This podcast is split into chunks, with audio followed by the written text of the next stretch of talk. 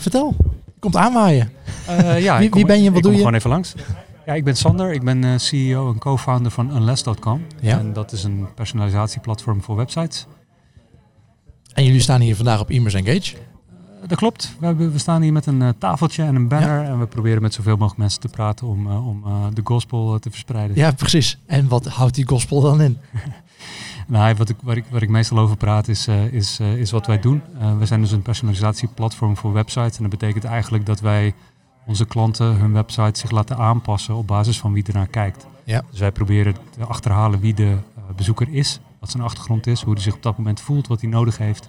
En we geven dan de tooling in handen. de bezoeker voelt. Ja, goed hè? Oh jee. Uh, en wij, wij, staan dan toe dat, uh, dat je verschillende content kan laten zien aan die mensen, uh, afhankelijk van hun eigenschappen. Ja.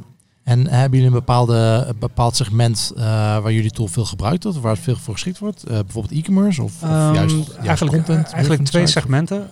we, doen, we doen veel met retailers en dat komt eigenlijk met name omdat die mensen eh, heel goed weten wat ze aan het doen zijn en al veel bezig zijn met het optimaliseren van hun user experience en conversie. Um, dus die, die, ja, die, die hebben al snel door hoe je dit zou kunnen gebruiken. Dus dat is fijn. Ze hebben ook veel traffic, dus ook machine learning voorspellingen en dat soort dingen, dat werkt vrij goed. Um, maar je ziet eigenlijk dat uh, het personaliseren zoals wij dat doen, dat dat heel goed ook werkt met servicebedrijven. En dat heeft er een beetje mee te maken dat um, je hebt natuurlijk een beetje de klassieke manier van, van personalisatie. Dat is bijvoorbeeld uh, nou, hele simpele dingen als in uh, e-mailpersonalisatie of productsuggesties of prijsmanipulatie, dat soort dingen. Dat is een beetje de klassieke manier van uh, wat Amazon eigenlijk al deed tien jaar terug. Ja. Um, wij zitten eigenlijk meer op dat je de narrative of de storyline van een, van een website zou kunnen aanpassen op basis van hetgene je denkt dat voor die persoon het meest relevant is. Um, dus dat, je, je hebt één boodschap en die vertel je op verschillende manieren tegen verschillende mensen ja, dat is natuurlijk een beetje een ander verhaal. Oké. En um, wat ik wil, um, je zegt je, vooral die mergers. Ik werk vooral ook vooral voor, uh, voor webwinkeliers, mm -hmm. uh, voor, voor retail. Wat, wat, zijn specifieke die dingen die jullie zien uh, die, die juist goed werken of juist personalisatie die niet goed werken? Um, nou ja, niet goed werken, dat, uh, dat, uh, dat wisselt heel erg. Uh, dat geldt ook trouwens voor wel goed werk. Ja. Maar wat wij zien dat wat goed werkt, we hebben een aantal grote retailers als klant, bijvoorbeeld Kruidvat en Prenatal. Um, en wat ze bijvoorbeeld gebeurt bij dat soort partijen, is dat ze kijken wat het interessegebied is van degene die de website bezoekt. Ja. Dus ze kijken in, welke, in welke productcategorie is deze persoon het meest geïnteresseerd.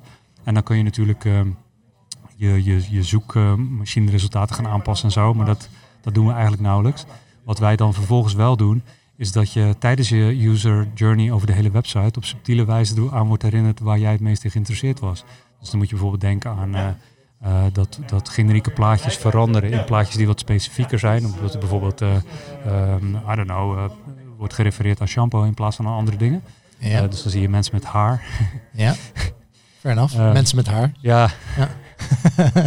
ik zat okay. erop te wachten. Het is een podcast, hè? Jullie moeten hem even uitleggen. Ja, de kijkers thuis, uh, jongens. Uh, uh, er, zijn, er zitten hier twee van de drie mensen die hebben niet zoveel haar. Dus vandaar dat dat... ja, dus, maar dus mensen met haar komen meer voor? Oké. Okay. Nou ja, gewoon je hoort, in, in de plaatjes. Blijf je ja, de rest van de dag over doorzagen nu. Nee, ja, daar ben ik ook bang voor. ik ben straks even weg. dus, nee, maar er wordt eigenlijk rekening gehouden met je interessegebied omdat dat eigenlijk het gevoel geeft bij mensen dat ze op de juiste plek zijn. En daarom zijn ze eerder geneigd bijvoorbeeld om dingen te kopen, maar ze worden ook gewoon blijer. Dus dat is belangrijk. Oké, dus, dus dan gaat het vooral om design aanpassen. Design, uh, woorden, plaatjes, uh, de, eigenlijk de hele... Ja, oké, maar ik hoor je specifiek dus niet praten over, je zegt net, de zoekresultaten passen we niet aan. Ik heb ook wel eens een, inderdaad een, een, user research gezien dat dat, dat inderdaad niet goed werkt. of tenminste niet als je het te snel doet. Ik heb bijvoorbeeld als mensen, nee, je zit op een categorie overzichtpagina, je ziet verschillende producten, je hebt net een search gedaan inderdaad.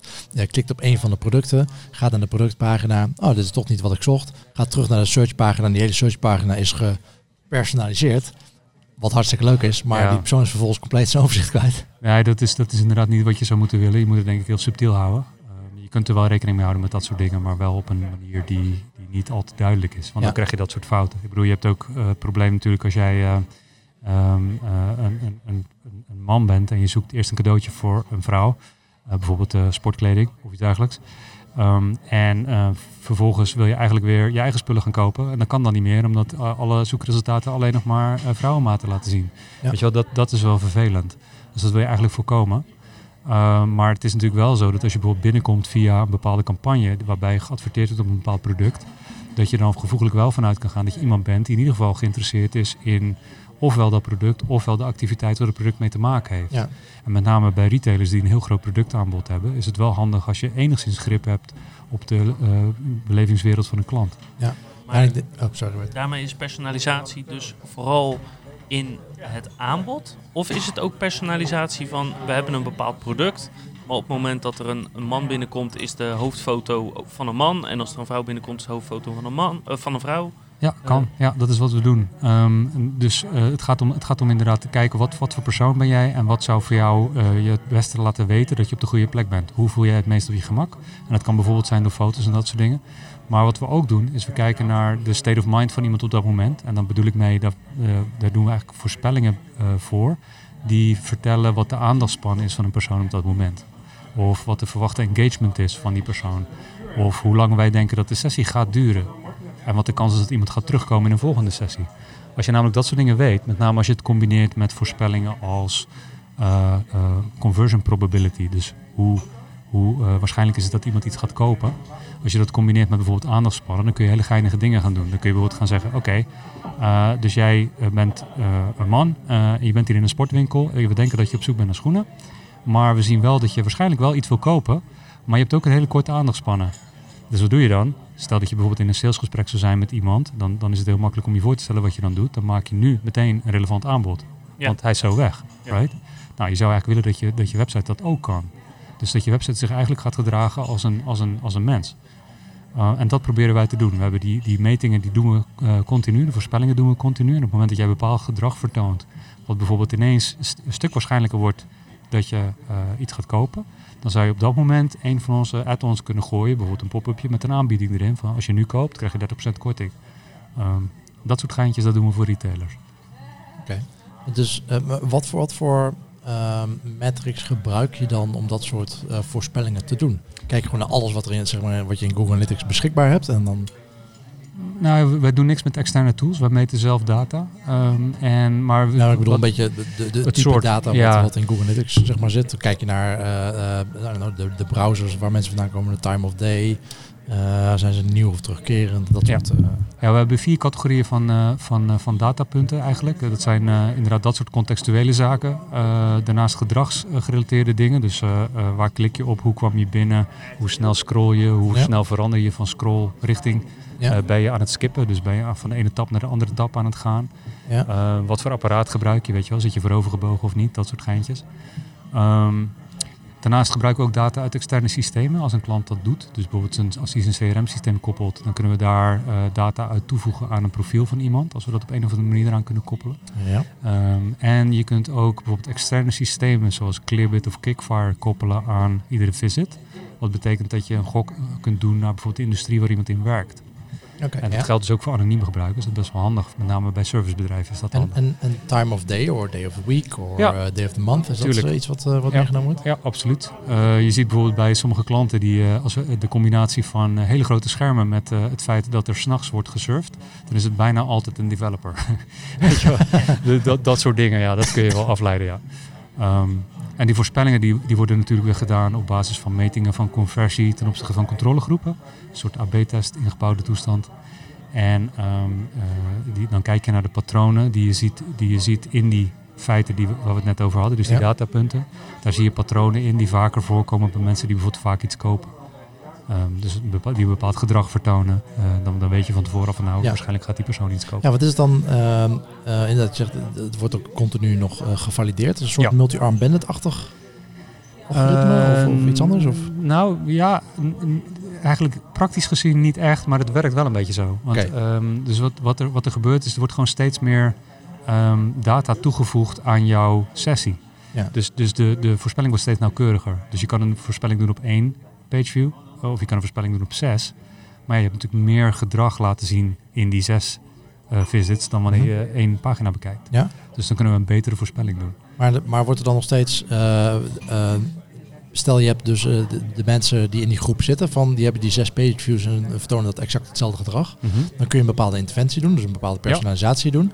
Maar wordt daar dan nog steeds in geëxperimenteerd, zeg maar? Die, er zijn nog steeds verschillende varianten die die persoon kan zien. Ja, we testen automatisch altijd op controlegroepen. En dan krijg je dus resultaten van te zien op basis van je, je site-wide conversie, maar ook een, een micro-goal wat je eigenlijk op de, op de personalisatie zelf zet. Dus dat is meer een soort AB-test situatie. Uh, wat eigenlijk interessanter is, om bijvoorbeeld te kijken van oké, welke doelgroep doet het het best. Ja. Right? Daar krijg je ook automatisch advies over voor welke doelgroep je eigenlijk zou moeten personaliseren en hoe het met die mensen gaat. Oké, ja. Ja, want dat vraag ik me altijd af bij dit soort tools. Want je wil eigenlijk wel, het is fijn dat die personalisatie plaatsvindt. Ehm, maar de tools zijn meestal dom in de zin van ze genereren zelf geen content.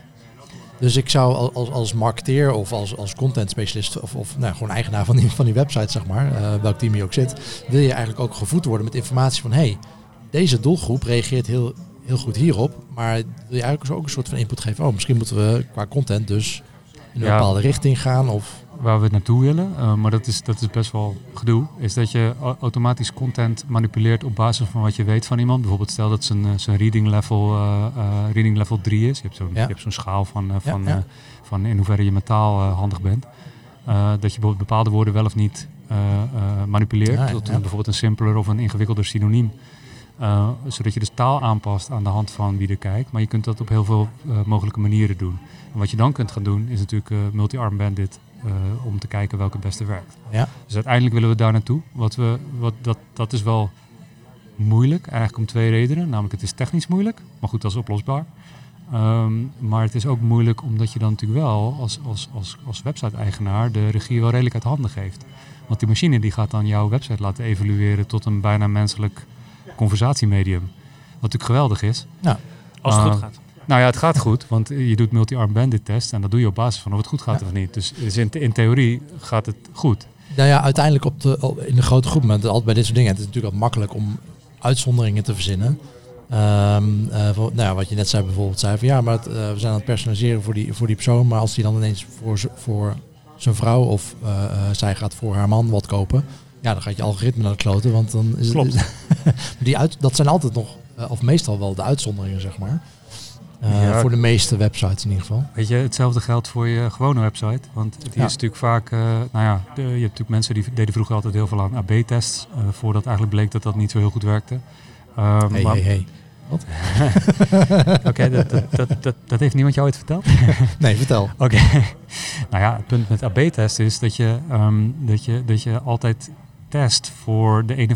Maar dat betekent dat je de 49% gewoon naast je neerlegt. Ik bedoel, even los van significantie. Want ehm, eh, als jij een goede test wilt doen, dan moet, je, dan moet je best wel veel traffic hebben. Ja. En er zijn niet zo heel veel mensen die voldoende traffic hebben. Want het geinige is natuurlijk, of het sneuwen, is dat mensen eigenlijk altijd iets testen waarvan ze niet zeker weten of het gaat werken.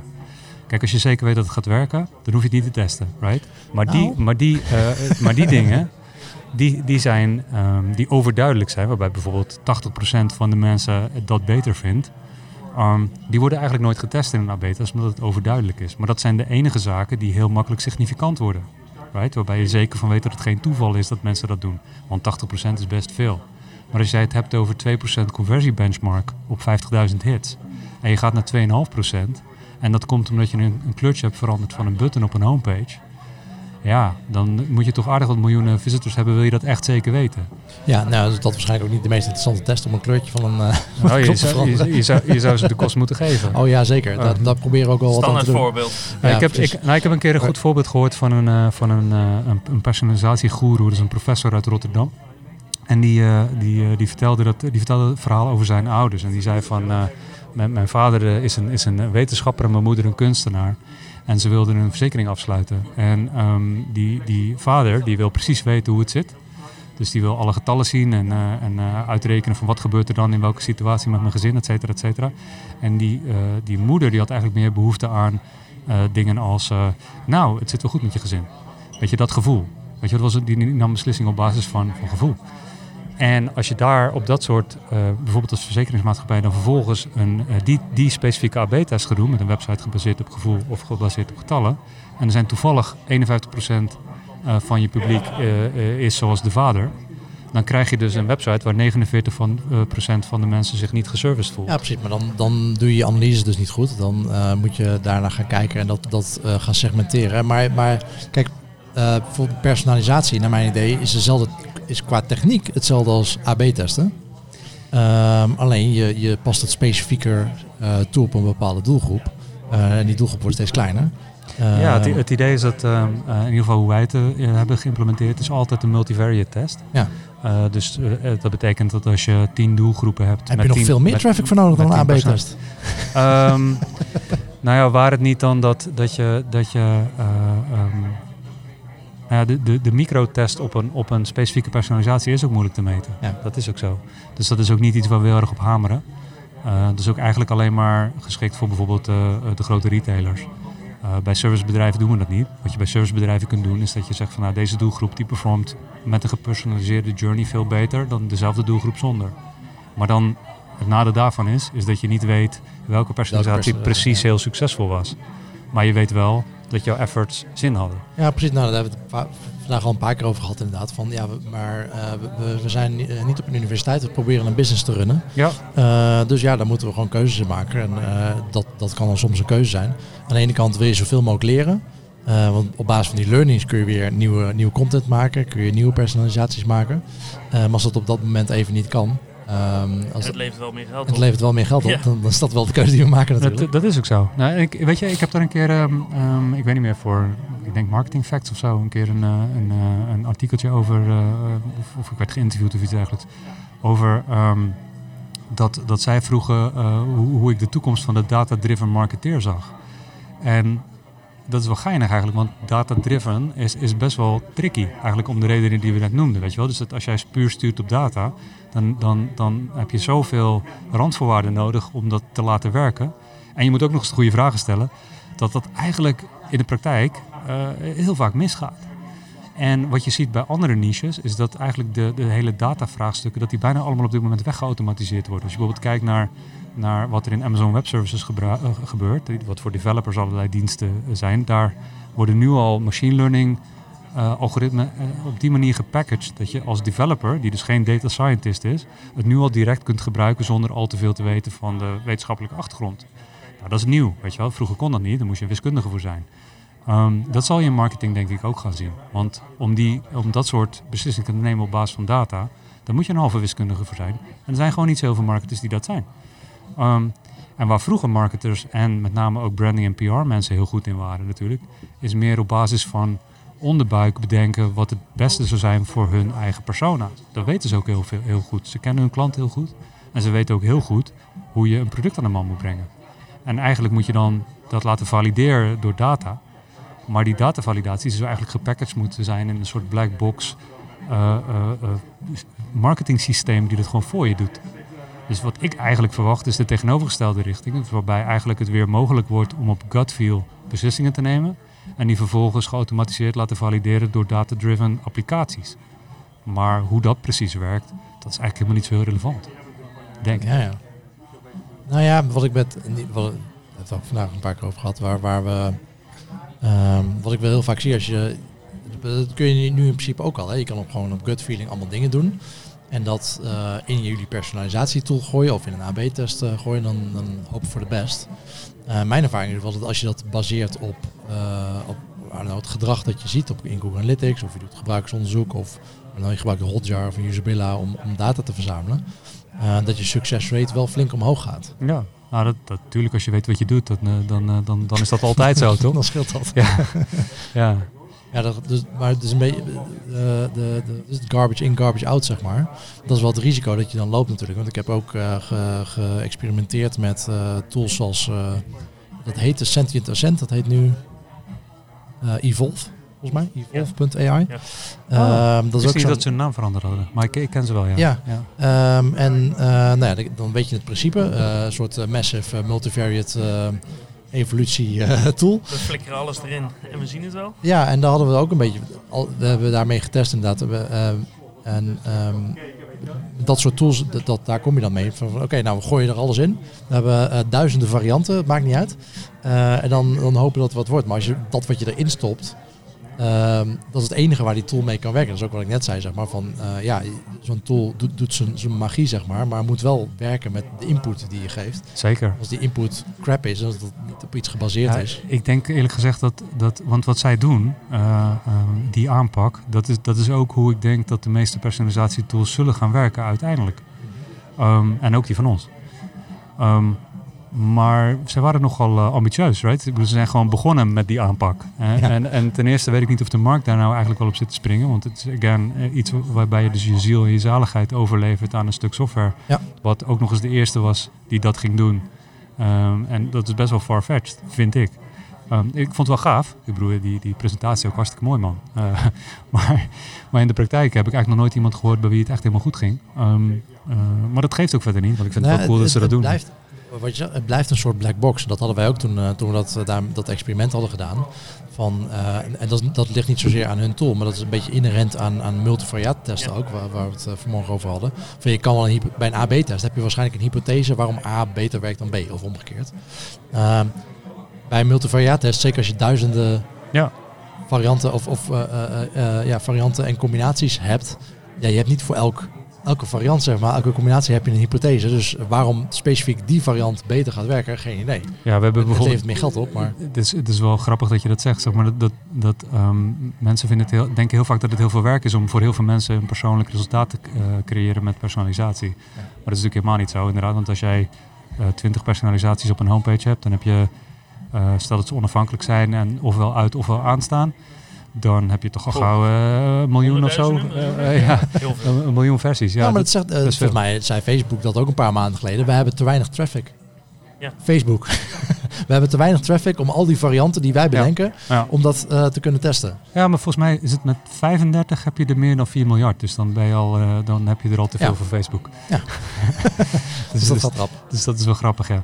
Ja, maar goed, kijk, weet je, uiteindelijk gaan dat soort technologieën wel winnen. Alleen, ik denk dat het even duurt, want het moet natuurlijk wel goed gaan. Ja, weet je wel? Je, dat, je dat moet... is vooral het punt. Als het eenmaal een black box is, dan moet je erop vertrouwen. Ja. En in theorie moet je het een keer kunnen narekenen, voor je gevoel. Ja. Uh, om zeker te weten dat het klopt. Want als het klopt, is, is, is het fantastisch. Ja, maar, maar laten we wel wezen. Wat je eigenlijk natuurlijk zou willen doen, is als marketer, is, is zeggen, oké, okay, dit is mijn klant. En zo ziet hij eruit. En dit is mijn, dit is mijn product. En dit is wat ik verkoop. En dit is ongeveer de brand message die ik heb. En die variabelen, dat zijn variabelen die je heel moeilijk kunt automatiseren. Want dat, dat komt echt uit de, uit, de, uit de knowledge van een, van een marketer. Um, wat dan vervolgens de machine ermee gaat doen, die moet inderdaad, gegeven die, die condities, moet dan komen met het beste resultaat voor iedereen. Ja, teksten, afbeeldingen, video's. Uh... Ja, maar hoe dat precies Alles, werkt, ja. um, dat is natuurlijk eigenlijk voor marketing niet zo heel relevant. Want dat is uitvoerend werk. Dat moet je eigenlijk aan de computer overlaten natuurlijk. Alleen, we zijn er nog niet goed genoeg in. Ja. Uh, maar bijvoorbeeld door dat sentient AI, of uh, hoe heet het nu? Evolve? Evolve. Evolve okay. en dan zonder een E op het eind. Gewoon Evolve, met, eindigen met een V. Oeh, met een spelfout. Oké. Okay. Gelukkig schrijf je, schrijf je een les wel gewoon zoals je het uh, hoort te schrijven. dat is een stuk makkelijker. Maar uh, um, ja, wij, wij, wij streven natuurlijk ook naar een soortgelijke oplossing. Dus ik, ik, vind, uh, ik, ik heb de hele tijd hun, hun uh, aanpak in mijn achterhoofd op het moment dat wij roadmapping doen.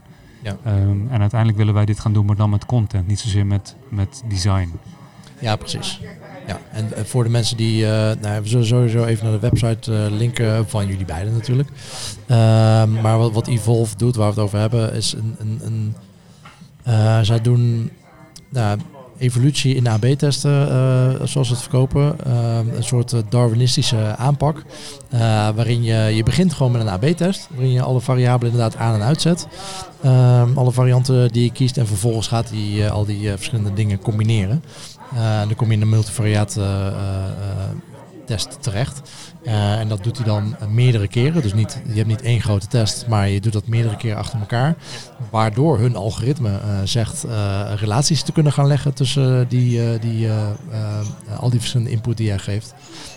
en waardoor zij veel sneller conclusies kunnen trekken dan wanneer je alles als multivariate test luister zetten, waarvoor je dus bakken met traffic nodig hebt, die je waarschijnlijk niet hebt, die Facebook zelfs niet heeft.